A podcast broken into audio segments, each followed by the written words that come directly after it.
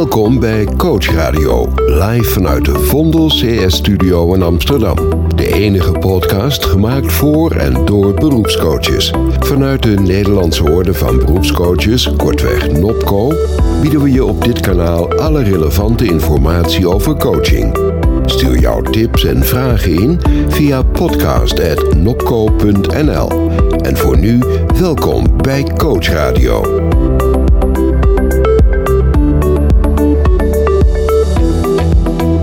Hele goede middag, beste luisteraars. Hart, van harte welkom bij aflevering 2 van uh, Nopco uh, Coach Radio.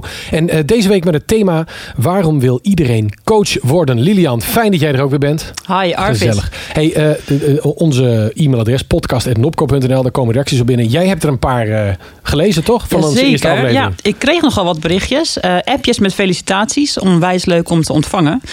andere bestuursleden kregen ook mailtjes en via ons eigen e-mailadres podcast@nopco Nopco.nl kregen we zelfs al wensen en voorkeuren, suggesties voor latere afleveringen door. Dus Coach Radio wordt goed ontvangen, Arvid. Nou, daar gaan we eh, op voortborduren. En we hebben vandaag weer fantastische gasten. Dus uh, dit, uh, deze keer met het thema: waarom wil nou iedereen coach worden? Het zijn er heel veel. Waarom wilde jij eigenlijk coach worden? Ja, ik ben eigenlijk ingerold. Ik werd uitgedaagd om mijn loondienst op een andere manier in te vullen. En dat kon ik eigenlijk weten doen als zelfstandige. Dus ik werd coach. Nou, dat, dat klinkt alsof de omgeving het heeft bepaald. We gaan erover praten met onze eerste gast.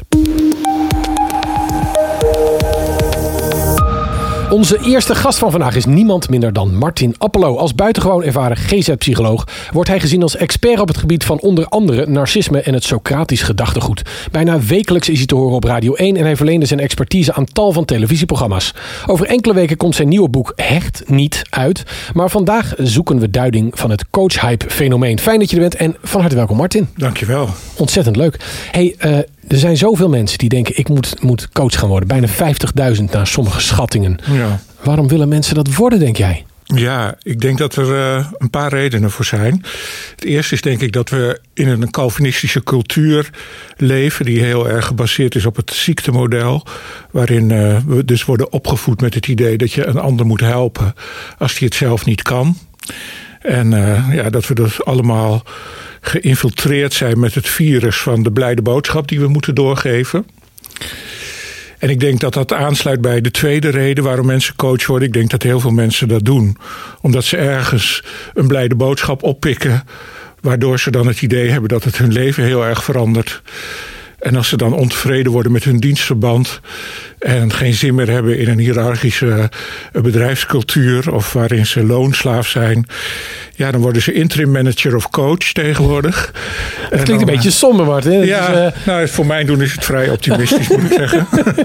maar uh, ik, ik hoor wel eens dat de ene helft van Nederland de andere helft coacht op dit moment. Maar ik denk dus dat de tweede reden is dat mensen uit onvrede met hun dienstverband toch een blijde boodschap aan anderen willen doorgeven. En dan anderen weer willen gaan helpen met wat hun ook geholpen heeft.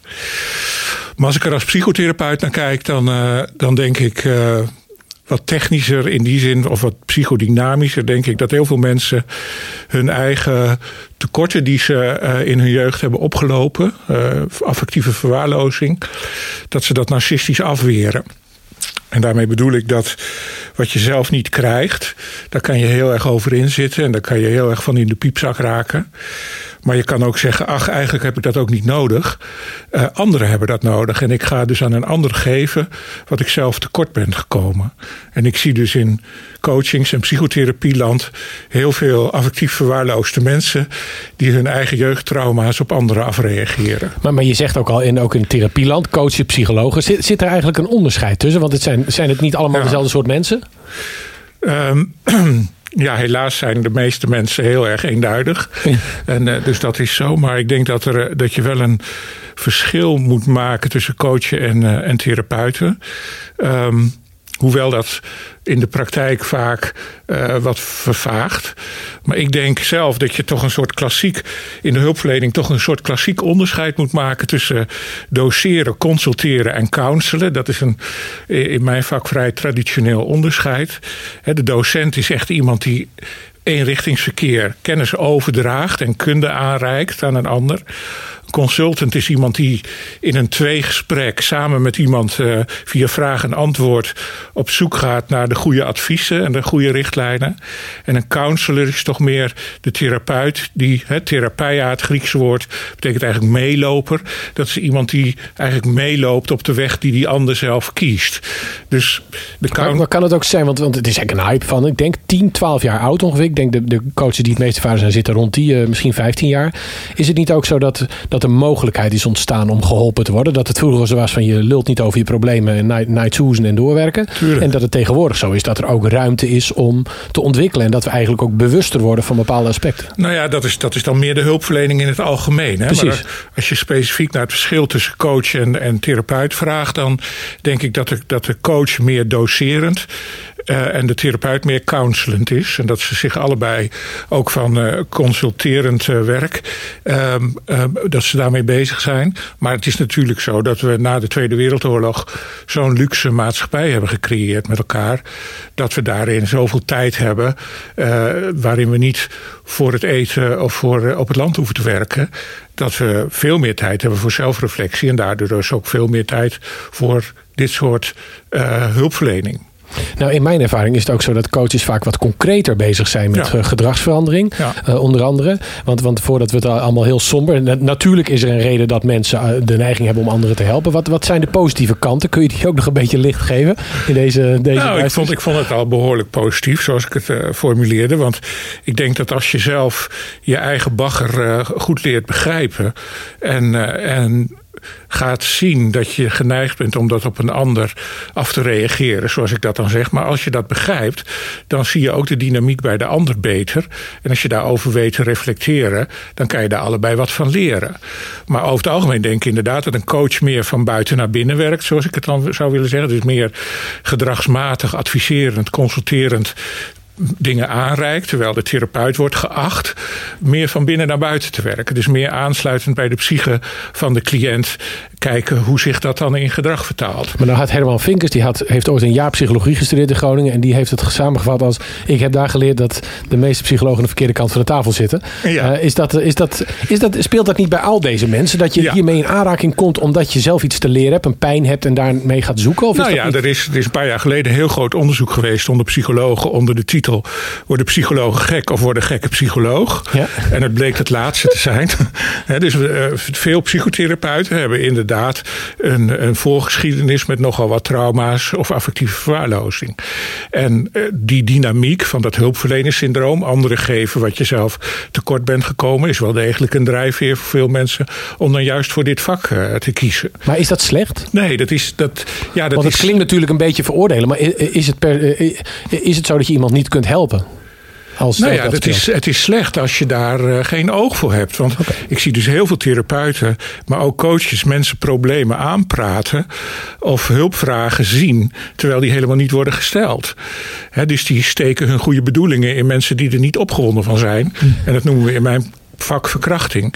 Dus daar moet je heel erg mee oppassen. Je moet dus de kunst verstaan van het luisteren naar de hulpvraag. En als je heel erg wordt gedreven door je eigen verleden, dan kan dat heel erg storend werken in de manier waarop je naar de patiënt luistert of de cliënt luistert. Dus eh, een, een, een zekere mate van leertherapie of reflectie daarover bij jezelf of supervisie en intervisie zijn daarvoor heel erg belangrijk om niet in die valkuil te trappen. Daarom zien we ook heel veel burn-out onder Nederlandse psychotherapeuten en hulpverleners in het algemeen. Omdat ze veel te lang doorgaan met iets waar in feite niet om wordt gevraagd. Dus dat is een groot gevaar.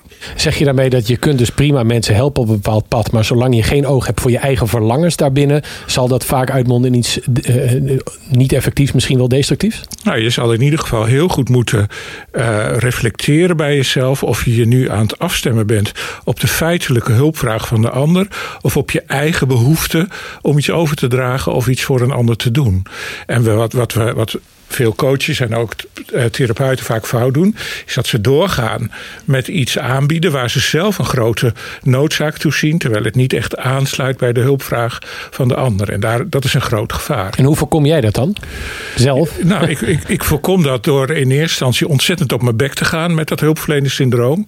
En om, uh, om veel te ver door te gaan met hulpverlenen. En, en daar dus ook de, persoonlijk de problemen, de burn-out verschijnselen van te krijgen. En door uh, in uh, leertherapie en supervisie daar keer op keer op gewezen te worden. Dat ik, uh, dat ik mijn goede bedoelingen in mensen zit te steken die niet opgewonden zijn. En dat ik dus te weinig met die hulpvraag bezig ben. En ja, dat is een proces van nu 30 jaar. waarin ik. En hoe ver ben je? Nou ja, ik denk dat ik wel zo'n beetje de staat van absolute verlichting heb bereikt. Omdat ik inmiddels inderdaad steeds meer los kan laten van waarvan ik dacht dat de ander dat nodig had. En steeds meer kan aansluiten bij wat iemand werkelijk motiveert. Hè? Want het woord motiveren betekent niet iemand overhalen, maar kijken wat zijn beweegredenen zijn. Aansluiten bij de ander. En, en praktisch, want je hebt daar 30 jaar nu over gedaan. Je zit in een gesprek met iemand. Hoe, hoe tast je het af? Even concreet. Er luisteren heel veel coaches hiernaar. Sommigen beginnen net, sommigen doen dit heel lang. Hoe, hoe kun je in een gesprek zoiets aanvoelen? Want het lijkt me best complex. Nou ja, in eerste instantie eh, begin ik altijd met te checken of eh, de hulpvraag van iemand zou moeten resulteren in gedragsverandering of verandering van denken. En dan controleer ik eerst of iemand wel daadwerkelijk veranderingsbereid is. Mhm. Of de leidersdruk genoeg is, of hij genoeg discipline kan opbrengen en of hij de fout van uh, wat er op dit moment niet goed gaat in zijn leven, of hij de oorzaak daarvan bij zichzelf legt. Dat is die formule voor gedragsverandering. Ja, duurzame formule voor ja. duurzame gedragsverandering. En als iemand daaraan voldoet, dan uh, ga ik uh, letterlijk en figuurlijk achterover hangen en aansluiten bij wat er uit de persoon zelf komt. om te kijken van wat hem motiveert, wat hem beweegt, op welke manier. En dan probeer ik dat te relateren aan de doelen die hij zichzelf stelt. Uh, en daarbij probeer ik, uh, zoals ook een van mijn boeken heet, waardenloos te zijn. Dus zo min mogelijk van mijn eigen principes in te brengen uh, als de patiënt daar niet zelf om vraagt. En dan noem je al even een boek. Je hebt bijna 30 boeken geschreven inmiddels. Ja. En er komt een nieuw boek uit. Ja. Hecht niet, met H tussen haakjes. Hecht ja, niet, echt, echt niet. Hecht niet. Echt niet. Um, is dat nog zinvol voor coaches? Het is sowieso ook. Uh, Natuurlijk een van de meeste werken van de wereld. Ja. nou, ik heb het boek geschreven voor, uh, voor mensen die in liefdesrelaties maar uh, blijven falen. En toch maar steeds op zoek blijven naar die ene. Dat is de eerste groep. En de tweede groep, dat zijn de mensen die denken: ja, maar bij mij lukt het, lukt het wel. Als je met mij een relatie begint, dan komt het goed. En de derde groep zijn therapeuten die denken dat ze dit soort mensen kunnen veranderen. Dus het is een boek waarbij ik uh, een, een subgroep van gestoord gehechte mensen, gedesorganiseerd gehechte mensen. Hoeveel zijn dat? Want je hebt daar ook wel eens percentages aan verbonden. Dat is best veel, toch? Ja, deze gedesorganiseerde hechting komt ongeveer bij 10 tot 15 procent van de bevolking voor. En dat is de groep mensen die in hun uh, oersoepgeschiedenis, zoals ik dat noem, in hun ja. jeugd, hebben geleerd dat de, dat de verzorgers niet te vertrouwen zijn. Of ze dienen geen oersoep op, of ze dienen wel oersoep op, of ze misbruiken of mishandelen je. Dus dat zijn mensen die in hun blauwdruk voor hechting, in hun innerlijk werkmodel voor hechting, uh, geschreven is: als iemand dichterbij komt, moet je altijd op je hoede zijn. En daar zit een grote groep in van mensen die therapeutisch niet te helpen zijn, als ze al in therapie komen. En die in relaties eigenlijk altijd weer op hun bek gaan in die groep zitten heel veel narcisten. Dus zo ben ik op dit boek gekomen. Uh, dus het is een boek om, om therapeuten, patiënten en partners te ontmoedigen van probeer vooral niet naar je gevoel te luisteren, want dat is in de basis zo gestoord dat je het daar niet van moet hebben. Gebruik je verstand en breng protheses aan in je leven. Nou, en uh, ik ben ervan overtuigd dat in die groep waar dit om gaat, zitten heel veel mensen die ook in het bedrijfsleven het juist heel goed doen en dan een coach zoeken. Dus het zou heel goed zijn voor coaches om dat boek te lezen. Om zich te realiseren dat ze daar waar ze als ze zichzelf op die ander projecteren, zeggen: Oh, wat zou ik het jou gunnen dat je meer voelt? Of wat zou ik het jou gunnen dat je intiemer met de anderen kunt zijn? Of wat zou ik jou duurzame wederkerigheid gunnen? Om dat niet op die ander te projecteren, omdat het hier werkelijk om een hechtingshandicap gaat. En ik heb dat ook vanuit de biologie uh, volledig onderbouwd. Oké, okay. ja. nou dat klinkt super interessant. Ik vat even samen met een, een, een klein beetje luchtigheid erin. Uh, ik, ik weet hoe je denkt en schrijft, ik waardeer dat zeer, maar ik denk ook dat de boodschap uh, ergens wel een beetje positief geïnterpreteerd kan worden. Als het gaat over waarom wil iedereen coach worden, dan heeft dat vaak een, een, een, een oorzaak in je eigen leergeschiedenis. Hè. Dat kan vaak een drijfveer zijn. Uh, onderbreek me maar als, als ik het niet goed samenvat. En um, het belangrijkste is dat als je in contact staat met je cliënten, dat je hen gaat helpen met wat hen bezighoudt, niet met wat jou bezighoudt.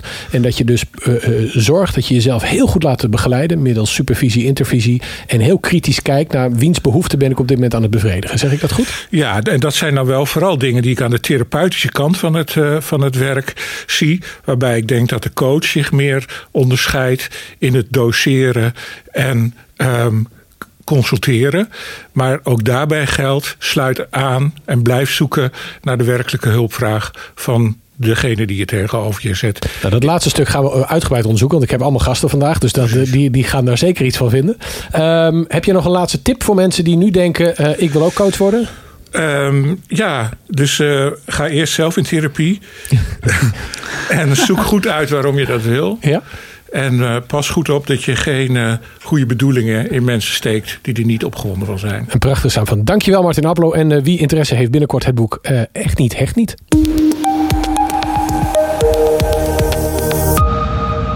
Wie de stap zet om zichzelf als coach te certificeren, komt in aanraking met deze mensen, de assessoren. Vaak ontstaat dan een beeld van kritische, zure mensen die met een wijzend vingertje uitleggen wat iemand allemaal fout doet. Maar niets is minder waar. En al helemaal niet als je het geluk hebt om een van deze twee assessoren op je dossier te krijgen. Marco Tieleman is zelf mastercoach in zijn praktijk Coaching Rotterdam. En zoals hij zelf zegt, als coach, spreker en enthousiaste bemoeier al actief. Mona Oosterwijk is eveneens mastercoach en houdt zich in haar praktijk Mo-coaching voornamelijk bezig met loopbaancoaching en coaching in organisaties. Fijn dat jullie er zijn. Van harte welkom allebei. Dankjewel. Dankjewel. Deze verre tocht naar Nou. het schitterende Amsterdam. Hey, ehm, Marco. Marco. Ja, nee, Precies. nee, Liel, jij mag. Jij mag. Eh, ja, ik was al een heel erg benieuwd, Arvid. Sorry. Eh, Marco, ehm, waarom wil jij ooit eigenlijk coach worden? Ja, daar had ik op, over nagedacht en dat heb ik al eh, vaker verteld. Maar in relatie tot het verhaal wat Martin net zei, ging ik al een beetje de reflectie in van ja, god, zat dat daar bij mij ook al in? Ik werkte in een eh, werkveld waar politiek en overheid en techniek bij elkaar kwamen. En ik zag dat heel veel techneuten daar heel veel oog hadden voor de inhoud en heel weinig voor relatie en proces. Aha. En daar ging zoveel op fout dat ik zoiets had van volgens mij, ik wil de wereld beter maken. Het effect van mijn handelen wordt veel groter als ik met die mensen aan de slag kan om ze te laten zien dat het om relatie en proces draait. Dus ze waren opgewonden? Eh, nou, op dat moment waren zij niet opgewonden. Eh, ik raakte eh, zelf wel heel erg opgewonden van het idee dat er veel meer mee te bereiken zou zijn. Tot zover klopt het nog, hè, met het verhaal van Martin. Ja, tot, nee, zover, tot ja. zover klopt het nog best wel. En, en als ik er nu op reflecteer, dan denk ik van ja, als ik het in dat modelletje van inhoud, relatie, proces eh, zet, dan kan ik als ik naar mijn oersoep kijk ook wel zien dat er op relatie en proces. Mwah, Wat een compromis. eh, eh, daar zat wel wat compromis. zeg en op ja. inhoud, joh, zorgen dat je het voor elkaar krijgt. Ja. Dat zat wel top. Yes. En Mona, hoe zit het bij jou? Waarom wilde jij dit ooit worden? Want je kijkt heel glimlachend bij dit hele verhaal. Nou, ik, ik was ooit eh, trainer en ik werkte heel veel met groepen. En ehm, op een gegeven moment gingen we, hadden we besloten, want ik trainde binnen de reiswereld allerlei managers, dat we ook één op één gesprekken gingen voeren met die managers. En, waar dat- trainde je zin? Eh, in bijvoorbeeld omgaan met hun personeel. Oké. Ja. En eh, op dat moment kwam ik erachter dat ik mezelf eh, beter op mijn plek voelde in één op één gesprekken dan in werken met groepen. Oké. Hey, en en ehm, jij, tegenwoordig zijn, zijn Marco en jij assessor geworden. En dan, dan hoor je dus allemaal jonge, inspirerende coaches, waarvan we er straks ook twee te gast hebben. Wat geven die eigenlijk op als drijfveer als ze dat aan jou als assessor... dan schrijven ze zo'n essay, geloof ik, hè? Ja, klopt. Wat staat er dan in? Wat zie je? Nou, wat heel veel terugkomt, is dat mensen een, ehm, heel erg geïnteresseerd zijn in mensen en hun gedrag. Soms hebben zij ook echt een intrinsieke motivatie om mensen te, te steunen in een, op een kruispunt in hun leven. Ehm, heel veel coaches hebben een hele andere carrière achter de rug. En het is een beetje wat Marco zegt. Ze zijn soms heel erg bezig op de inhoud. En ze ontdekken op een gegeven moment: hé, hey, maar eigenlijk interesseert de mens in het algemeen mij meer. En als zij dan van andere mensen te horen krijgen: hé, hey, je stimuleert mij, ik word altijd heel blij als ik met jou praat. Dan trekken sommigen de conclusie en dan gaan zij zich uh, als coach uh, ontwikkelen. En proef je dan in die ontwikkeling ook nog wel eens dat hulpverlenerssyndroom? In de, je bedoelt in de portfolio's van nou ja, de coaches? Of je spreekt mensen of, of, of überhaupt ja. in general. Je kent een hoop coaches. Zie je dat vaker terugkomen? Ja, zeker wel. Dat komt wel eens terug. Ja. Absoluut. En wat, wat is dan als je als, als assessor, jullie bepalen eigenlijk hè, van op welk niveau opereert iemand op dit moment en wat zou die uh, kunnen doen? Jullie geven handvatten om, om door te groeien. Um, als je zoiets tegenkomt, wat, wat denk je dan? Wat, wat is dan je eerste uh, reactie aan zo'n coach als je dat nog proeft? Nou, sowieso is een portfolio een heel groot iets. Ja, dus ja. ik kan me voorstellen dat dit dan een dingetje is uit zo'n portfolio, waar ik bijvoorbeeld in een interview met die coach over ga praten. Um, je moet je voorstellen, een portfolio is best wel een talig ding. Mm -hmm. Mensen moeten heel veel schrijven over heel veel onderwerpen. Niet elke coach is daar goed in. Sommige coaches zijn mondeling veel beter. Dus in zo'n interview kunnen zij persoonlijk aan mij uitleggen hoe zij dat zelf zien. Oké, en als je dan zoiets proeft van zo'n zo'n hulpverleningssyndroom, is dat dan iets wat je benoemt, actief? Um, als ik denk dat dat iets in de weg zit, of als ik vind dat dat echt niet past bij het niveau wat ze aanvragen, dan ga ik daar zeker op in. Want wat verwacht je van de hoogste, hoogste niveaus, zeg maar? Wat, wat, want uh, Martin heeft het erover dat je mensen eigenlijk iets, iets wilt geven wat je zelf nodig hebt mm -hmm. nog. Uh, op, op welk niveau ligt dat kantelpunt? Ik denk dat je van een senior en mastercoach echt kunt verwachten dat zij heel goed weten wat hun rode knoppen zijn. Mm -hmm. En dat zij dat zelfs in het moment tijdens een coachgesprek zich daarvan bewust zijn. Um, en daar iets van leren en iets mee doen in hun reflectie. Dus ik, ik vind dat je van mastercoaches en ook senior coaches een hoog reflectieniveau mag verwachten. En heel veel inzicht in henzelf. Oké, okay, helder. En uh, Marco, um, wat maakt een coach dan eigenlijk uh, effectief? Heeft dat iets te maken met de reflectie die uh, Mona nu aanhaalt? Of? Ja, reflectie is essentieel, denk ik, om als coach goed naar je eigen handelen te kunnen kijken. Op het moment dat je in een gesprek zit en je stelt een vraag en er komt iets heel anders op terug dan dat je. Hé, hey, wat gebeurt hier? Uh, het meest effectief word je volgens mij op het moment dat je met je cliënt een helder contract hebt. Iets wat Martin daar straks al noemde van uh, waar wil jij mee aan de slag? En moet dat iets op gedrag veranderen? Moet dat iets op houding veranderen? Ja. Waar wil je precies mee aan de slag? En dat je als coach uh, ja, kan leiden en kan volgen in het gesprek wat dat op gang komt. En steeds scherp blijft op van, oh ja, waar zaten we hier nou op voor?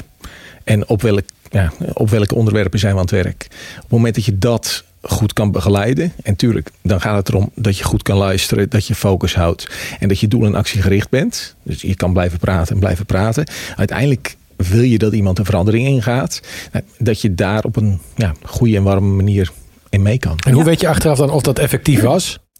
Het is te hopen dat de coach dat zelf inziet. Uh, vanuit van ja, hier, oh, hier, hier zat het voor mij. En ik vond het moeilijk om. En we hebben nu ervoor gezorgd dat, bijvoorbeeld, we hebben een overtuiging onderzocht. Mm-hmm. Of uh, we hebben gekeken hoe het komt dat het voor mij zo moeilijk is om in een vergadering uit te spreken dat hij voor zichzelf in gaat zien van ja, wat heb ik eigenlijk meegebracht of hoe deed ik dat eigenlijk en hoe doe ik het nu? Wat is het verschil en hey, wat heeft eigenlijk gemaakt dat ik daar gekomen ben? En wat is voor jou het verschil? Want ik stelde die vraag aan Martin, maar ik ben ook benieuwd naar jouw mening. Het verschil tussen de coach en de psycholoog? Ja, uh, ik geef mensen in het intakegesprek altijd al mee van het is bij mij coaching met een therapeutisch randje. Uh, dus het verschil is van ja, gaan we nou echt het verleden in en gaan we in die oersoep kijken van joh, hoe zag jouw gezin van herkomst eruit? En nou, als ik dan zes gesprekken moet hebben om te kijken wat dat er gebeurde toen iemand zijn bordje pap niet leeg eet en daar leeg at en daar grote ruzie over kreeg, dan denk ik dat is niet aan mij, dan ga ik hem doorverwijzen. Maar ik maak wel graag met mensen een loopje naar het verleden om te kijken van hé, hey, wat is daar gebeurd? Wat je kan helpen, ja, wat ja. je kan helpen om nu te zien van hé, hey, waar heb jij mee te dealen? Oké, okay, helder.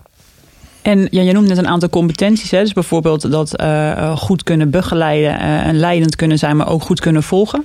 Waar ligt de balans tussen talent en competenties als coach zijnde volgens jou? Ja, de balans. Ik hoop dat de meeste mensen dit vak zijn gaan doen omdat ze ervoeren dat ze een talent hadden wat dat ze in wilden zetten.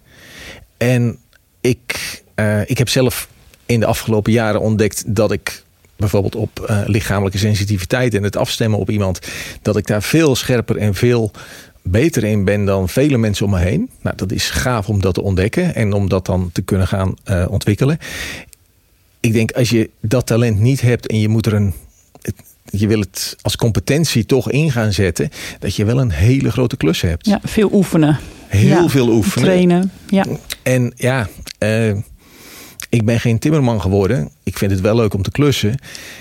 Maar het talent voor timmerman, ja, dat heb ik gewoon niet. Dus ik denk niet dat ik dat dan zou moeten willen. Maar hoe kun je nou weten van tevoren als je coach wil worden of je talent hebt eh, voor het coach zijn?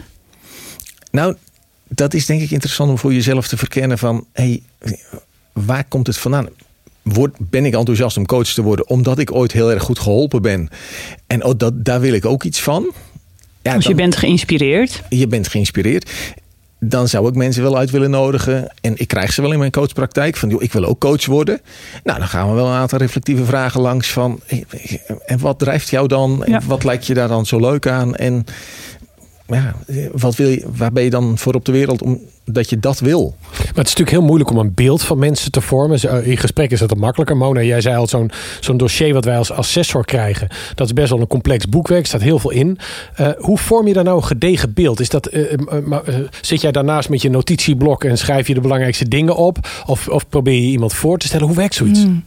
Ik denk dat ik het allebei doe. Eh, de coach die moet heel veel eh, materiaal indienen in zijn portfolio. En wat ik meestal doe is beginnen met het lezen van het essay, met het lezen van de leerjournaals en de case study. Ehm, en dan, dan laat ik dat even sudderen. Want vaak zijn die drie documenten die geven een globaal beeld van de persoonlijkheid van de coach, maar ook hoe hij of zij werkt. En daarna komt natuurlijk de harde kant, om het maar even zo te benoemen. Dan ga ik kijken, ja, voor het niveau wat die coach aanvraagt, heeft hij voldoende uren? Heeft hij voldoende cliënten gehad voor dat niveau? Eh, hoe zit het met supervisieuren, intervisieuren? Hoe zit het met eh, PE? En, eh, Persoonlijke educatie? Persoonlijke educatie, Ja, Hè, van komt hij aan de uren? En nog belangrijker is natuurlijk het competence framework. Dat is een Europees framework. Dus alle coaches die zijn aangesloten bij IMCC, die worden daarop getoetst. Dan ga ik kijken in het hele portfolio. Waar vind ik bewijzen voor die verschillende competenties? Maar dan weet ik dat ze dan bij de IMCC zeggen... dat doen wij met soft eyes, zoals Ja, ze dat noemen. klopt. En dat geeft jou als assessor een bepaalde vrijheid... eh, om jouw sensitiviteit in te zetten. Hoe, hoe, hoe leer je dat? Hoe, want je doet het al een tijd, of jullie allebei. Maar eh, wat... eh, hoe vorm je je dat beeld? Wa- wanneer is het voor jou van... ja, nee, dit is inderdaad een senior of een practitioner of een whatever? Ja, er, er zijn, er zijn standaarden waar langs je eh, een portfolio legt, een soort meetlat, zeg maar. Maar heel belangrijk is soms ook het interview wat we hebben met de meeste coaches. Ik zei het net al, een, een portfolio is heel talig. Mensen moeten goed kunnen schrijven. Dat kan niet iedereen. Dus eh, in een persoonlijk interview komt soms naar boven dat eh, onduidelijkheden die ik vind in een portfolio, dat die coach heel goed kan verwoorden hoe hij of zij daarin zit. En dan denk ik, oh, maar dat had ik helemaal niet gelezen in je portfolio. Maar nu je mij dat vertelt, ik hoor je stem, ik Ja. geloof je oprecht. Dus het is, ik denk wel dat de meeste assessoren inderdaad kijken met soft eyes, met een groene pen, van wat is er wel in plaats van een rode pen, wat is er allemaal niet. Hey, en als jij, want je bent natuurlijk naast assessor zelf eh, ook eh, ervaren, je bent mastercoach. Als jij je leven over zou doen en je kijkt zo terug op die wereld die zich zo, zo eh, ontwikkelt, zou je het opnieuw weer doen? Ja, absoluut. Ja? En waarom? Ja. Ik denk dat ik een gave heb om dit vak te doen. Dingen gaan mij gemakkelijk af. En dan bedoel ik, ik vind het helemaal niet moeilijk om geen adviezen te geven. Ik vind het absoluut niet moeilijk om niet te weten. Ehm, ik ben oprecht geïnteresseerd in de ander. En ik denk dat de coaches bij mij dat ook voelen. Dus ik voel echt dat ik dit vak moet doen. Het voelt ook bijna niet als werken na een dag. Ik krijg er ook zin als ik je zo hoor. Ja. Ja, dat is, ja, dat is Ja, wel- dat is echt waar. Oké. Ja. Hey Marco, is dat voor jou? eh, als jij het over mocht doen? Weet je dan buschauffeur of klusser of eh, werd het dan toch weer dit? Timmerman. Ja, dat hing er vanaf met welke talent ik terugkwam natuurlijk, inderdaad. Eh, terug van vakantie, als ik dan in de auto zit, dan denk ik, dat heb ik wel eens met mijn vrouw zo'n gesprek van, goh, hey, wat is, wat is- zouden er nou dingen anders moeten na de vakantie? Of dan denk ik, nee, ik ga afgelopen maandag opnieuw gestart met plezier, iedere dag weer. Wat heerlijk. Hey, dank jullie wel voor je komst eh, naar de studio. Marco Tuleman en Mona Oosterwijk. Ja, dames en heren. En voor de tweede maal, maar nu al legendarisch, heeft Jelle Westendorp ook deze aflevering een boekrecensie gemaakt. Jelle, kom er gezellig bij. Dankjewel, Arvid. Fijn dat je er bent. Hey, jij, hebt, uh, jij bent een beetje hobbyfilosoof, weet ik ook. En een ontzettend uh, nou ja, begaande lezer. Hoeveel boeken zijn er naar jouw schatting voor de doelgroep die coach zal worden? Uh, 9 miljoen misschien wel. wow. Je hebt even opgezocht. Nou, als je, als je zoekt op, als ik zoek op boeken over coaching, dan zijn er 9 miljoen hits. zoek ik op coachboek, dan krijg ik 11.000. Dus ja, weet je, er is gewoon geen pijl op te trekken hoeveel boeken dat er eigenlijk echt zijn die met coaching te maken hebben. En daarnaast zijn er natuurlijk ongelooflijk veel coaches die ook hun eigen boek schrijven. Dus ja. Hey, en um, welke heb je dan nu meegenomen en uh, waarom? Ja, ik, ik heb uh, Mens worden van Carl Rogers meegenomen. Dat, dat een is, heel dik boek is. Uh, het is ook een hele dikke pil. Ja. Het is een beetje de Bijbel voor de therapeuten. Het is een boek geschreven door Carl Rogers in de jaren 60. En hij beschrijft heel veel uh, lezingen die hij ooit gegeven heeft. die lezingen heeft hij verwerkt in een boek. En dat is, nou 1950, 60, in die, in die jaren. En wat hij schrijft uh, en de conclusies die hij trekt, het is gewoon fascinerend dat heel veel daar vandaag van uh, nog waar is, maar ook bewezen wordt. Heb je Erik de Haan, die onderzoek doet naar coaching, die ook vaststelt dat uh, de klik, dus de, het contact tussen de coachie en de coach, maar ook de hoop en de relatie die er uiteindelijk ontstaat, dat dat vooral het verschil maakt. En niet de methode of de techniek die je gebruikt. Ja, dat, dat zegt Carl Rogers al. En zoveel meer dingen dat ik denk van Frip. Dat lees ik ook in andere boeken, maar hij heeft het al lang bedacht. Mm -hmm. Nou, wat, uh, wat kun je daaruit halen? Um, in dit boek duidt hij zo goed de relatie therapeut-cliënt. En dus ook coach, coachee, die relatie, om die te duiden, uh, dat beschrijft hij gewoon uitermate goed. En wat spreek je erin aan dan? Ja, omdat um, uh, Carl Rogers juist beschrijft dat in die relatie het gebeurt. En dat wil zeggen dat uh, hij zegt de therapeut moet een relatie weten te kweken met zijn klant, waarin die klant zich veilig voelt en gehoord, maar zo veilig dat hij eigenlijk dat gevoel van veiligheid zo in zichzelf, in zijn organisme ervaart, dat daaruit uh, iets nieuws ontstaat wat hij nooit eerder heeft ervaren, waardoor er een. Um, ja, een, een soort uh, nieuw begrip van zichzelf ontstaat. Van hé, hey, zo veilig kan ik me dus voelen. Dus ook durven te experimenteren in de veiligheid van de relatie met de coach. Ja. Zijn er voorwaarden aan die relatie? Noemt hij daar ook ingrediënten voor? Ja, uh, daar is hij ook heel helder in.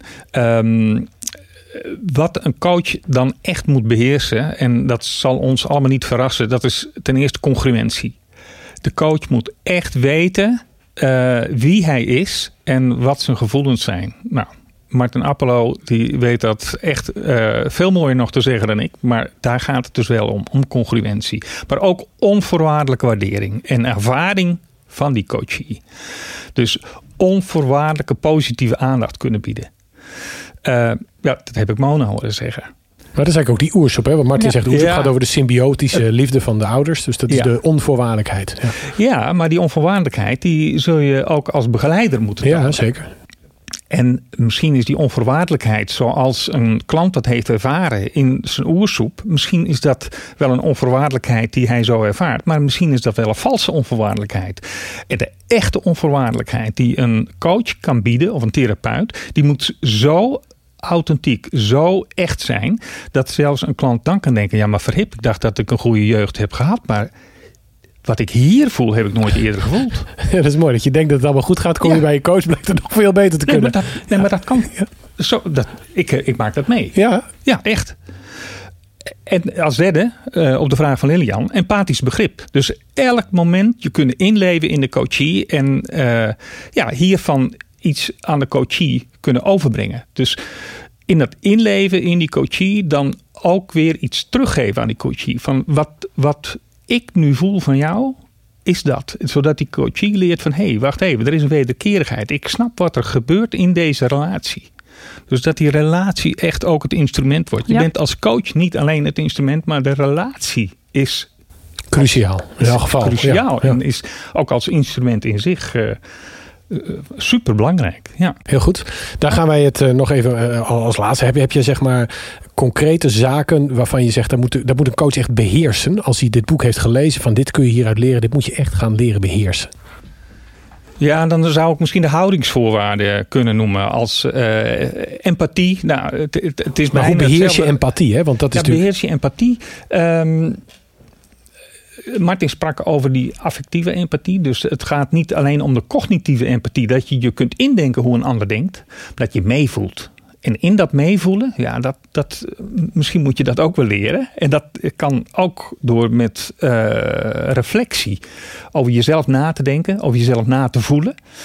En natuurlijk met uh, intervisie, dan ook supervisie. Om dat met een ander te bespreken. Van zijn die gevoelens die ik heb, wat ik ervaar, uh, is dat authentiek en heeft het met de relatie met de coach te maken of heeft het met mij te maken? Helder. Ik vond het een fantastische recensie. Lilian, ja, jij, dankjewel. Nee, wauw. Ja. Ik stel wel van, want dit is zo'n ongelofelijke pil dat ik al weet dat ik hem niet uit ga krijgen. Dus misschien moeten we even overleggen dat Jelle ook gewoon samenvattingen gaat schrijven in de nieuwsflits of zo. Want, dat uh, zou te gek ik, zijn. Uh, ik vind het uh, zowel waardevol als absoluut Ja. ondoenbaar voor mijn eigen Goed zelf. idee. Wordt Ja. nu al gewaardeerd. Gaan we over nadenken. We gaan verder met onze volgende gast. Dankjewel. Marielle Sonneveld startte onlangs haar coachpraktijk Unique Label... terwijl collega Mirjam Bernardina Loné zich inschreef onder de slogan... Durf tevreden te zijn. Wat bezielt hen om zich in deze tijden te voegen... bij die enorme grote groep coaches? We vragen het hen vandaag live in de studio. Welkom Marielle en Mirjam. Dankjewel. Dankjewel. Hey eh, Marielle, eh, jij begint net aan je avontuur hè, om coach te worden. Waarom in hemelsnaam? Nou ja, het avontuur is niet helemaal net begonnen, als ik eerlijk ben. Want uh, ja, ik ben eigenlijk al van jongs af aan bezig met persoonlijke ontwikkeling. Ik vind het belangrijk om het beste uit mezelf te halen, te weten wie ik ben, waar ik vandaan kom. Ja, en ook daar anderen mee te inspireren. Maar dat komt natuurlijk wel ergens vandaan. Zeker, ja. Je, je komt dus heel veel uh, brengen, want je hebt uh, veel in huis, hoor ik. Maar wat verwacht je nou uit het vak te kunnen halen? Um, nou, allereerst waar het zeg maar vandaan komt. Want je Ja, zegt, ik ben net begonnen aan het avontuur. Nou, het avontuur is al wat langer. Maar het heeft eigenlijk met twee redenen te maken. Um, allereerst, als ik daarover nadenk, heeft het te maken met hetgene wat ik geloof. Met een overtuiging die ik heb. Maar ook echt hetgene wat ik heb ervaren in het leven. Wat ik heb meegemaakt. En dat vormt je en dat, dat heeft mij een drijf gegeven om, ja, om echt het coachvak in te gaan. En coaching echt als een krachtig middel te zien om, uh, ja, om dat te bereiken. Om echt uh, die missie ja, voor te zetten en andere mensen daarbij te helpen. Wauw. Uh, kun je daar wat meer over vertellen? Iets, iets meer delen? Ja, waar dat uh, mee te maken heeft. Nou, ik heb van jongs af aan uh, gevoeld en ervaren hoe het eigenlijk is als een mens niet tot zijn recht komt, niet tot bloei komt. Zo heb ik um, nou ja, meegemaakt dat mijn vader, een hele sterke, intelligente man met uh, grootste ideeën en dromen, maar ook een heel groot hart voor de wereld, ja, niet tot zijn recht kwam. En nou, als kind voel je dat en ervaar je dat. En daarmee ontwikkel je natuurlijk bepaalde competenties. Maar ook echt een drive om daar iets mee te doen. Mijn vader kreeg dus het label manisch depressiviteit. Uh, werd ook afgekeurd bij de politie. En dat heeft heel veel met hem gedaan. Ja, heftig. Ja. En uh, ja, super heftig. Ja. En ja, ik heb dus eigenlijk van, van, um, van die pijn... want dat doet natuurlijk zeer om te zien... iemand komt niet tot zijn recht en die persoon is ook nog je vader van wauw, dat wil ik zelf als persoon niet meemaken. Maar ook um, ja, gun ik dat andere mensen niet. Dus ik, ik voelde echt die drive van ik wil mensen aanmoedigen en inspireren het beste uit zichzelf te halen. En uh, ja, net als een bloem eigenlijk. Een bloem die in het verkeerde veld staat. Ja, en niet de juiste voeding krijgt, die, die verwelkt. En ja. Uh, ja, zo is eigenlijk mijn vader ook ja, eigenlijk Met dood, je verwelkt, ja. Ja, doodgegaan door zijn ja. gedachten, zeg ik ja. wel eens. Ja. ja, jeetje joh. Hey, um, je noemde het, hè, dat, dat, dat zo'n situatie dan een set aan competenties geeft. Uh, kun je daar eens één van uh, uit kiezen waarvan je zegt... ja, die heb ik echt zo sterk uh, geïnternaliseerd. Die, die raakt nooit uitgeput. En die bron is voor mij... daar kan ik altijd uitputten. Dat is overvloed. Wat heb jij in overvloed qua competentie? Ja, energie en empathisch vermogen. Ik denk dat die twee gecombineerd, dat dat, uh, want je, je het kunnen inleven in die ander, dus echt kunnen voelen van wat, ja, wat voelt die ander, dus dat je daar echt in kan gaan. Maar toch ook heel veel energie, want het moet je geen energie kosten. Het moet je zeg maar niet leeg gaan vereten, zeg maar. Dus dat is wel heel belangrijk, ja. dat je wel ja, energie kan blijven behouden om ook zelf staande te blijven. Ja, je, jezelf ook bruisend houden, zeg Ja. maar. Anders verwelk je zelf. Precies, ja, en dat moet je ook niet nee. hebben. Nee. Wauw, dankjewel, ja. En hoe, hoe kwam jij, want jouw praktijk het Unique Label, Ja. uh, hoe kom je daar dan bij? Klinkt bijna modeachtig. Nou, ja, zeker. Ja. Ja. Nou, ik geloof dus, het, het woordje uniek zegt het eh, misschien al. En eh, ook een stukje het woord label. Nou, mijn vader kreeg natuurlijk het label manisch depressiviteit. Dus ik heb gezien wat eh, een label met mensen kan doen in de negatieve vorm. Maar ik realiseer me ook dat wij mensen labelen nu eenmaal. Zo werkt ons brein. We geven woorden aan iets, dus we kunnen het ook ten goede gebruiken. Dus ik dacht, als we nou iedereen een uniek label geven, dan is het toch positief. En dan ja, kunnen we mensen echt helpen om zichzelf als uniek te zien en van waarde. En hoe je dus die unieke talenten en kwaliteiten in kan zetten. Dus eigenlijk ook een soort van kan branden naar de wereld. Zodat ja, dat mooie systeem, zeg maar, de wereld, dat je dat in werking kan zetten ten goede. Dus om ook echt een verschil te maken. Schappig, want je zegt dit en ik moet denken aan Greet Vonk. Dat is een van de topcoaches van de NOPCO. Die heeft eh, een heel verhaal over posttraumatische groei Ja. gehouden. Die heeft hier wetenschappelijk onderzoek naar gedaan. En zij zegt, je moet het niet zien als een kruisje op je achter je naam. Als een sterretje op je schouder waar je iets mee zou moeten Ja, doen. Kickstarter meer dan, dat, hè? eh, Ja. dat sluit wel heel erg aan. Ja. Ehm, jij begint nu aan je avontuur. Jij hebt eh U- Unique Label opgezet. Eh, waar loop je tegenaan? Wat is het, het moeilijkste aan het opzetten van deze, deze hele eh, loopbaan? Goeie vraag. Wat is het moeilijkste aan het opzetten? Ehm, vooral de uitvoering. Ehm, en wat is dat dan? In de breedste zin van het woord. Naast dat, kijk, voor mij, coaching is voor mij echt een middel. Net als dat ondernemerschap een middel is. Voor mij gaat het uiteindelijk om het doel. Dus waar, waar ik voor sta. Dus, en dat is echt het, het stukje het uniek uit mensen halen. Maar ook eh, eenheid. Ik geloof heel erg dat, hè, dat we samen het verschil kunnen maken. En dat al die losse puzzelstukjes. Dus zie je het als een puzzel samen die puzzel vormen. Dus je hebt ze allemaal nodig en ze moeten op de juiste plek staan. Dus die visie die is voor mij heel helder. Maar hoe ga je het allemaal in uitvoering brengen? Want je gaat echt een bedrijf bouwen. En daar komt veel meer bij kijken. Dus ehm, denk aan hele praktische zaken zoals een website Ja, bouwen. die moet nog, hè? Ik, hij was nog niet online, zag ik. hij, is, dat? hij, hij is in eh, werking. Hij, Hij is- komt, eh, nou, hij is bijna af. Dus eh, Dus daar gaan we binnenkort van genieten. daar ga je binnenkort van genieten, zeker. Dus ik ben er druk mee bezig. Maar echt alles wat daarbij komt kijken. En ik ben ook iemand die dingen graag goed doet. Dus het stukje excellentie is voor mij ook belangrijk. Dus dat het mooi is en dat het er goed uitziet en dat het klopt. Ja, want Dus als je claimt een unique label, dan moet het er verdraaid goed uitzien natuurlijk. Precies, zo is het. Dat heb je wel heel hoog gelegd, die lat. Klopt, ja, ja. Dus ja, wat het moeilijkste is, is... ehm, ja, dat vind ik lastig waar ik nou het meest tegenaan loop. Maar echt een stukje uitvoering van alle praktische zaken daaromheen. Om het, het hele ondernemerschap, zeg maar.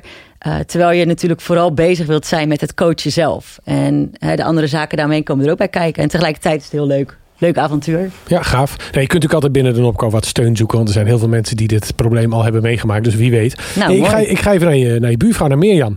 Eh, ook van harte welkom, Mirjam. Dankjewel, dankjewel. Hey, jij hebt een hele specifieke reden om, eh, om te starten als coach. Ehm, kun je de luisteraars eens meenemen in jouw levensverhaal? Eh, ja, dat kan wel. Ik heb ehm, ehm, even in, in, in, terug naar het eerste gesprek van deze aflevering dan. Want mijn jeugd was eigenlijk heel onbezorgd. Eh, mijn papa en mama zijn allebei ook nog bij elkaar. We waren heel gezellig samen. Met mijn ouderwets, ja. Zo ouderwets Ja. gezellig. Mama Ja. thuis, papa aan het werk en zo. En ehm, dat was allemaal probleemloos eigenlijk. Eh, maar toch had ik heel erg veel interesse in waarom mensen denken wat ze denken en doen wat ze doen. Dus ik ben psychologie gaan studeren toen ik mijn eh, VWO-diploma had. Eh, uiteindelijk afgestudeerd als ANO-psycholoog. En daarna in het vakgebied van kwaliteitsmanagement, procesverbetering, dat soort dingen gerold. Want de ANO staat voor Arbeid en Organisatie. Ah, ja, en ja. organisatiepsychologie. Ja, sorry. En dan, ik zat iets meer aan de O, de organisatiekant. Ehm, en dat vond ik jarenlang heel leuk vakgebied. Ik ben uiteindelijk eh, uit loondienst in zelfstandig eh, dat gaan doen. Dus dat bedrijf opzetten en zo, dat had ik allemaal al, dat heb ik allemaal al achter de rug.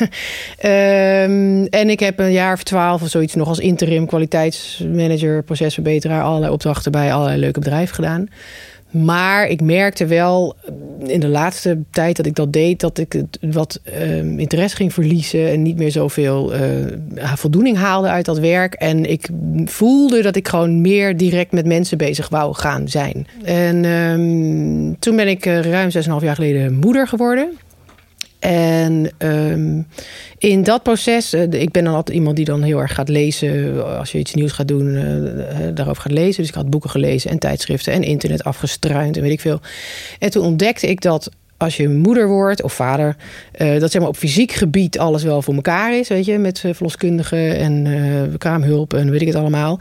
Maar mentaal ehm, eigenlijk niet. Of nauwelijks. Nou, je hebt vrienden. Maar als ik tegen mijn vrienden zei van ik vind het en heel mooi, maar ook super heftig. En ik slaap niet en ik vind het verschrikkelijk af en toe. Dan da, daar, daar wordt wel eens ambivalent op gereageerd ook. Hè? Dat is Ja. vrij snel veroordeeld. En dat moet allemaal Ja, leuk zijn. Het moet allemaal leuk Ja. zijn. En ook op social media wordt echt een wereld gecreëerd. Die Van lieve babyfoto's. Ja, En die zijn ook heel fantastisch. Maar daarnaast ben je ook gewoon kapot. Ja. Nou, precies. En, en, en, en wat ik zeg maar merkte toen ik dan net moeder was. En, eh, en, en dat ik zag om mij heen ook echt heel veel mensen daarmee worstelen. En eh, eh, merkte ook in mijn groepje van, van zwangerschapsgym eh, meisjes, zeg maar, dat eh, een, na een half jaar was één stel alweer uit elkaar en zo. Dat ik echt dacht, wat?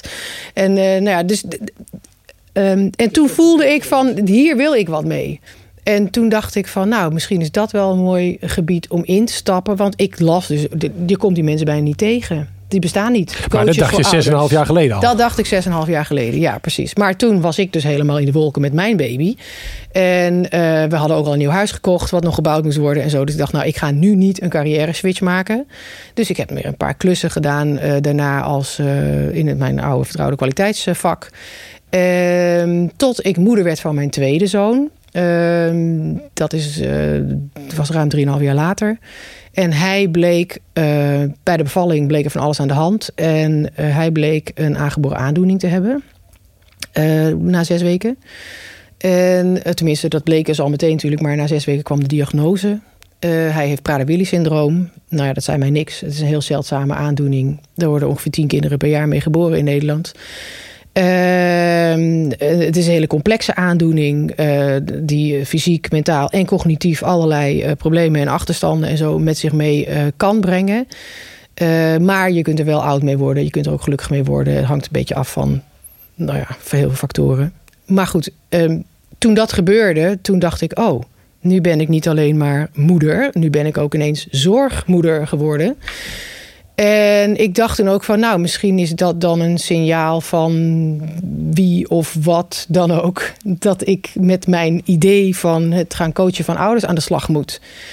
Ehm, dus eh, dat wilde ik ook. En, en eh, na een maand of acht eh, was mijn zoontje inmiddels, de jongste dan, die ging drie dagen in de week naar een medisch kinderdagverblijf hier in Amsterdam. Dat ging allemaal helemaal heel goed. En mijn oudste, die zou vier worden en naar school gaan. En dan ook naar de BSO en zo natuurlijk.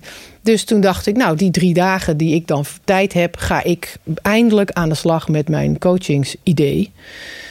Totdat ehm, mijn zoon, mijn oudste zoon, eigenlijk vlak voor zijn vierde verjaardag ziek werd. Ehm, die kreeg alle rare klachten: eh, koorts, eh, zweterig, eh, nachten wakker liggen, niet eten, pijn in zijn benen, alle rare dingen.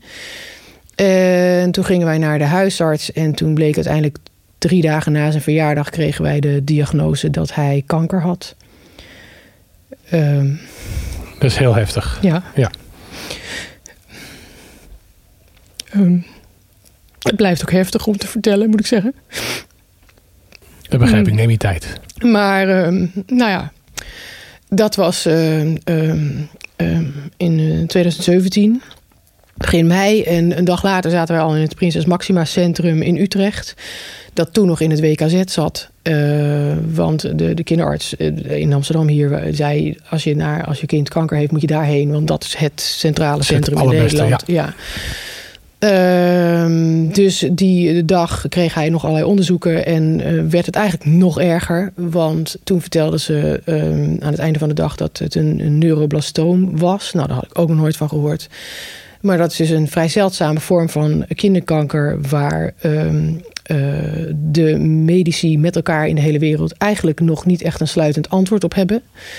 Eh, er is wel een behandeling voor. En na nog wat scans en zo bleek dat hij ook uitzaaiingen had. En omdat hij al vier jaar was, wat in dit eh, verband nogal oud is. ehm, kwam hij in de hoge risicogroep eh, en zag hij een behandeling tegemoet van minstens anderhalf jaar. met een slagingskans van 45% Oftewel eh, minder dan de helft. Ehm, nou ja, dat veranderde onze werkelijkheid natuurlijk weer, zeg maar. Dat hadden we natuurlijk met onze jongste al meegemaakt. En nu werd het nog erger. Ehm, maar ja, mijn man en ik zijn allebei van het soort hout... waarbij we eh, ja, ons aanpassen aan onze nieuwe werkelijkheid... en, en daar dan met ons hele wezen in gaan. Ja. ja. Ja. Eh, dus ik was al thuis natuurlijk, want ik was in feite nog met verlof geweest van mijn jongste zoon. En mijn man, zijn opdracht, die is ook zelfstandig uh, IT'er. En uh, zijn opdracht, ja, die liep eigenlijk gewoon door. Dus hij is blijven werken en ik ben fulltime voor mijn oudste gaan zorgen. ik ben heel veel in het ziekenhuis geweest. En nou goed, aanvankelijk ging het allemaal goed. En na anderhalf jaar, klein anderhalf jaar zelfs, had hij de hele behandeling doorlopen.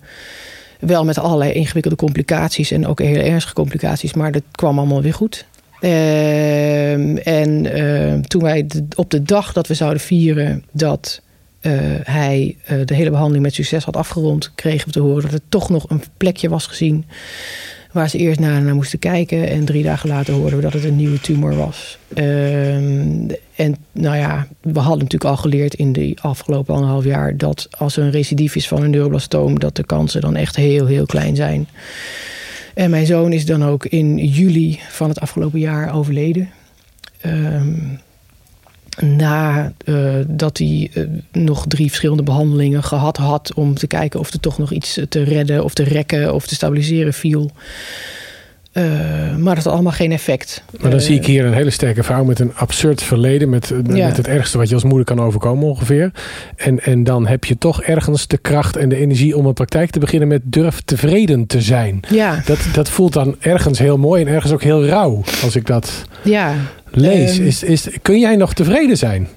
En hoe dan? Uh, uh, ja, uh, ja, dat kan. Ja, ik ben natuurlijk niet tevreden met het feit dat mijn zoon dat is overleden. Ik, ik, ja. Maar um, um, wij hebben er natuurlijk in die afgelopen, zeg maar, ja, nou, die ruime twee jaar dat hij ziek is geweest, alles eruit gehaald wat erin zat. Natuurlijk gingen wij er altijd vanuit dat hij het zou redden en bij de survivors zou horen en zo. En, maar toch ook in je achterhoofd weet je dat er een kans is dat het niet zo is. Dus we hebben, uh, nou ja, allerlei dingen gedaan, leuke dingen gedaan, uh, filmpjes, video's, whatever, dingen laten maken en, en zo. en um, het kan als je, als, je je, als je je focust op die dingen die wel goed gaan en. Um, ja, die maar je, wel... zegt ook, je zegt ook durf, hè? Dus het is niet wees tevreden, maar durf tevreden te zijn. Ja. Vraagt het om moed? Om, om ook in dit soort situaties uiteindelijk te zeggen... ja, maar ik kan nog wel tevreden zijn? Nou, het vraagt om moed in de situatie die ik, waar ik in zit natuurlijk. Um, uh, gelukkig heb ik een hele leuke tweede... Mijn jongste, daar gaat het heel goed mee. En het is echt een superleuk kind. Dus dat helpt ook om je gaande te houden. Uh, en de relatie met mijn, mijn, met, mijn man is gelukkig ook heel fijn. Dus dat houdt je allemaal wel onderweg. Um, Um, en het lukt om te genieten van de leuke dingen die we ondanks alles toch meemaken. Maar en durf tevreden zijn staat ook voor dat je in de huidige maatschappij, ik zei het eigenlijk net al ook, dat hè, op social media en allerlei andere media wordt allemaal een prachtige wereld ge, getoond. En met iedereen gaat het fantastisch en iedereen doet de meest leuke dingen en, en, en iedereen ziet er fantastisch uit en weet ik het allemaal. Um, en het vergt nogal moed om dan in die wereld te durven zeggen: ja, maar ik ben helemaal niet tevreden. Ik ben hoogst gefrustreerd. Ik ben oververmoeid. Ik vind het helemaal niet leuk. Uh, ik kom hier niet aan toe. Ik loop daar tegenaan. Uh, dat vergt best wel moed om A, daarvoor uit te komen. En B, om dan naar iemand toe te gaan die jou daar dan misschien bij kan helpen. En eigenlijk is het cadeau van je oudste zoon dat dat dus nu gaat gebeuren. Want nu zet je die stap om voor Ja. jezelf te beginnen. Ja, dat is eigenlijk dus ook wel bijzonder. de- hij is eh, in, eh, in, eh, dat was natuurlijk allemaal heel heftig toen hij uiteindelijk echt onze wereld verliet. Ehm, en, en daar waren we in het begin natuurlijk ook heel druk met alles wat daar dan weer omheen komt kijken en zo. En op een gegeven moment in, in augustus zo'n beetje, dus dat was al, ja, na een maand of twee of zoiets, toen voelde ik heel erg de behoefte om eindelijk met mijn coachingsidee aan de slag te gaan. Ook door alles wat ik intussen had meegemaakt. Ook in het maxima met andere ouders die ik had gezien en gesproken. En ik zie gewoon dat er zoveel ouders, ook zorgouders natuurlijk zijn... die zo worstelen met alles wat ze moeten en willen. En uh, dat ik dacht, ja, ik, ik moet dit gewoon gaan doen. En uh, ik heb tijdens dat mijn zoon nog ziek was... Uh, heel optimistisch en wat boeken gekocht over coaching. Ik dacht, laat me maar vast een beetje inlezen en zo. Een van ze was oplossingsgericht coachen. Ik ben zelf heel pragmatisch, dus ik las die titel. Ik dacht, dat is het. En ik begon in het boek en ik dacht, dit is het. Ehm, dus, eh, en, eh, Dus nou, een korte boekreview, maar wel heel positief. Ja, ik denk nou, dat Jelle is- trots op je zou zijn. ja, Het, is, het, is, eh, het gaat zo uit van de krachtbronnen die mensen al in zich hebben. Maar wellicht door alle waanzin van de dag even niet meer zien. En en ehm, nou ja, het lijkt mij echt prachtig als ik mensen kan helpen om ja, in, een, in een paar sessies eh, eh, eh, mensen terug te brengen bij wat ze nou eigenlijk echt belangrijk vinden. En, en, en hoe ze zelf eigenlijk al gewoon dingen in zich en om zich heen hebben die hen daarbij kan helpen om, om weer een stapje dichterbij te komen. En keuzes te maken ook. Dan hoor ik jullie allebei. Jullie hebben allebei het, een sterk verhaal. Jij hebt de leergeschiedenis met je vader. Jij hebt een, een heel heftige leergeschiedenis eigenlijk met, de- met de kinderen meegemaakt. Dat is, is, is, is dat als coach, zet je dat ook een paar stapjes op voorsprong? Hebben jullie het idee dat dit je, omdat je wat je cliënten misschien doormaken, al in hele heftige mate hebt doorleefd, maak je dat ook geschikter? Maak je dat al een stapje klaar om, om dit te gaan doen? Ik denk zeker, ik, ik kan niet vergelijken met anderen. Iedereen heeft zo zijn eigen verhaal en zijn eigen wereldbeeld, zeg maar. Maar ik kan wel uit eigen ervaring spreken dat het voor mij wel werkt. Dat ik me daardoor ja, makkelijk kan inleven in de ander. Omdat je wel een bepaalde sensitiviteit ook hebt ontwikkeld. Vooral gezien het ziektebeeld van mijn vader toen ik jong was. Elke dag was anders. En als kind wil je toch voelen, hoe gaat het met papa vandaag? Dus je gaat toch ook iets ontwikkelen in jezelf van... hey, weet je, dus dat is ook een, een competentie die je ontwikkelt. En ook andere dingen in het leven die je meemaakt, vormen je wel als mens. Dus je, je, je hebt levenservaring in een kortere tijd. Ja. En welke stap, wat verwachten jullie? Want jullie zijn eh, vrij, eh, jullie, eh, jij hebt je website net in ontwikkeling. Ik zag, jij hebt gelinkt naar de Ja, Facebookpagina. De, de visitekaartjes zijn al klaar, dus jullie- we zullen jullie websites linken in de, in de description van de aflevering. Maar, maar jullie sluiten je net aan bij de NOPCO. Jullie komen uit deze omgeving. Wat, wat, waar gaat dit naartoe? Wat, waar- als ik jullie over vijf jaar weer spreek, en dat ga ik doen, hè, dan wat, wat hoor ik dan? Dan heb ik onwijs veel ouders op, op de rit geholpen. Ja? Ja, Eh, misschien ook wel een boek geschreven, want eh, die ambitie eh, heb ik ook al jaren. Dus, Kan ik me voorstellen, ja. Je hebt genoeg om over te schrijven Nou, dat dacht Ja. ik ook. Dus ik ben al met een website begonnen over mijn zoon. Dus eh, om Wat hem goed. online eh, te eren, zullen we maar Ja, zeggen. mooi. Dus daar schrijf ik inmiddels verhalen over hem en ons. En eh, ja, nou, Spannend. ja. En jij Marielle? Ja, over ik zie- vijf jaar? Over vijf jaar. Ik zie sowieso wel dat ik op mijn unieke manier echt een bijdrage kan leveren aan een positievere maatschappij. En ook wel meer vrede. Want ik geloof wel echt dat vrede in de wereld, het klinkt misschien heel groot, maar start eigenlijk bij, bij jezelf. Vrede in je hart. En door zelf vrede in je hart te behouden en ook anderen daarbij te helpen, ja, hoop ik echt op die manier eh, bijdrage te kunnen leveren. Dus dat ook die mensen echt tot bloei komen en ook impact kunnen maken. Dat is wel echt mijn missie. Ja. Ehm, en voor mezelf, ehm, naast individuele coaching, zie ik ook wel echt wel een stukje online. Dus dat je meerdere mensen kan bereiken door online workshops te geven. Ehm, door middel van video's, eh et cetera. Ja, misschien ook wel een boek eh, binnen vijf jaar. Dat moet wel lukken, denk ik. Nou, ik hoor over vijf jaar met deze podcast hebben we twee nieuwe boeken van, eh, van onze fantastische gasten Marielle en Mirjam. En dan ga ik verder met ons eh, nieuwtjes-item. Lilian, ben jij er helemaal klaar voor? Nou, ik moet even bijkomen op meerdere lagen, Arvid. Nou, dat kun jij eh, heel erg snel. Hey, zijn er noemenswaardige zaken uit de afgelopen periode? Gaan we vooruitkijken met de nieuwtjes? Eh, we hebben twee dingen waar we op kunnen terugkijken. Eh, we hebben met bestuur de eerste vergadering met twee voorzitters gehad. Ja, we hebben een Eh, nieuwe voorzitter. Ja, nou ja, bijna, Marieke, nieuw, hè? bijna een nieuwe voorzitter. Eh, Ja. eh, nou, ik heb niet eerder meegemaakt dat we met twee voorzitters aan tafel zaten. Dus dat was wel, eh, eh, wel een keer gaaf om te, zo te... En ze zitten eh, midden in de inwerk- en overdragen werkzaamheden en processen. Ehm, nou goed, eh, van de zijlijn, eh, zijlijn bekeken ziet dat er hartstikke goed uit. En volgens mij gaan we gewoon de stijgende lijn na 1 april volop doorzetten. Dus dat is... Mooi nieuws, denk ik zo. Ja. De eerste inspiratiesessie zit erop van dit jaar. Deze werd verzorgd door Michiel Hulsbergen van Dialogue Trainer. En het ging over de relatie tussen gedrag en emoties in gesprekken. Ja. En heel erg tof. Mag ik dat zeggen, tof? Ja, Jij ik ben tof 36, zeggen, ik mag zeggen tof. Eh, dat Ja, was dat er 36, met onze blik geworpen werd op de toekomst. Eh, en het ging echt over de toekomst van gesprekstraining. eh, namelijk met AI, Artificial Intelligence. En dat was echt heel boeiend. Klinkt hip ook. Ja, was echt, ja. Mag ik ook hip zeggen dan? Nou, dat zei ik al. Ik ben Eh, 35. oh, nou, hip kun je hebben. Eh, in maart eh, staan er verder nog twee regionale bijeenkomsten gepland. Dat zijn echte NOPCO-workshops. En die vinden plaats in zowel Woerden als Sertogenbos. En deze zullen gaan over intervisie, eh, het hoe en waarom. Uh, deelnemers krijgen ook direct input van wat toegepast kan worden in de eigen intervisie. Nou, en als dat geen mooie brug is naar de volgende aflevering, dan weet ik dat niet. Ja, want de volgende aflevering gaat over supervisie en intervisie. Ik, ja, we zijn aan het einde gekomen van, van aflevering 2. Ik vond het ontzettend leuk. Dankjewel aan onze gasten Martin Appelo, Marco Tieleman, Mona Oosterwijk en natuurlijk Marielle Sonneveld en Mirjam Bernardina Loné. Onze vaste recensent, uiteraard Jelle Westerdorp niet te vergeten. We hebben heel veel besproken. Ga er lekker naar luisteren. Geniet ervan. Blijf reageren via podcast.nopco.nl uh, of lees op www.nopco.nl natuurlijk veel meer over deze organisatie. Uh, we vinden het ontzettend leuk om dit te maken. We hopen dat jullie dat ook luisteren kunnen horen. En ja, heel graag tot aflevering 3. Tot de volgende. Tot de volgende.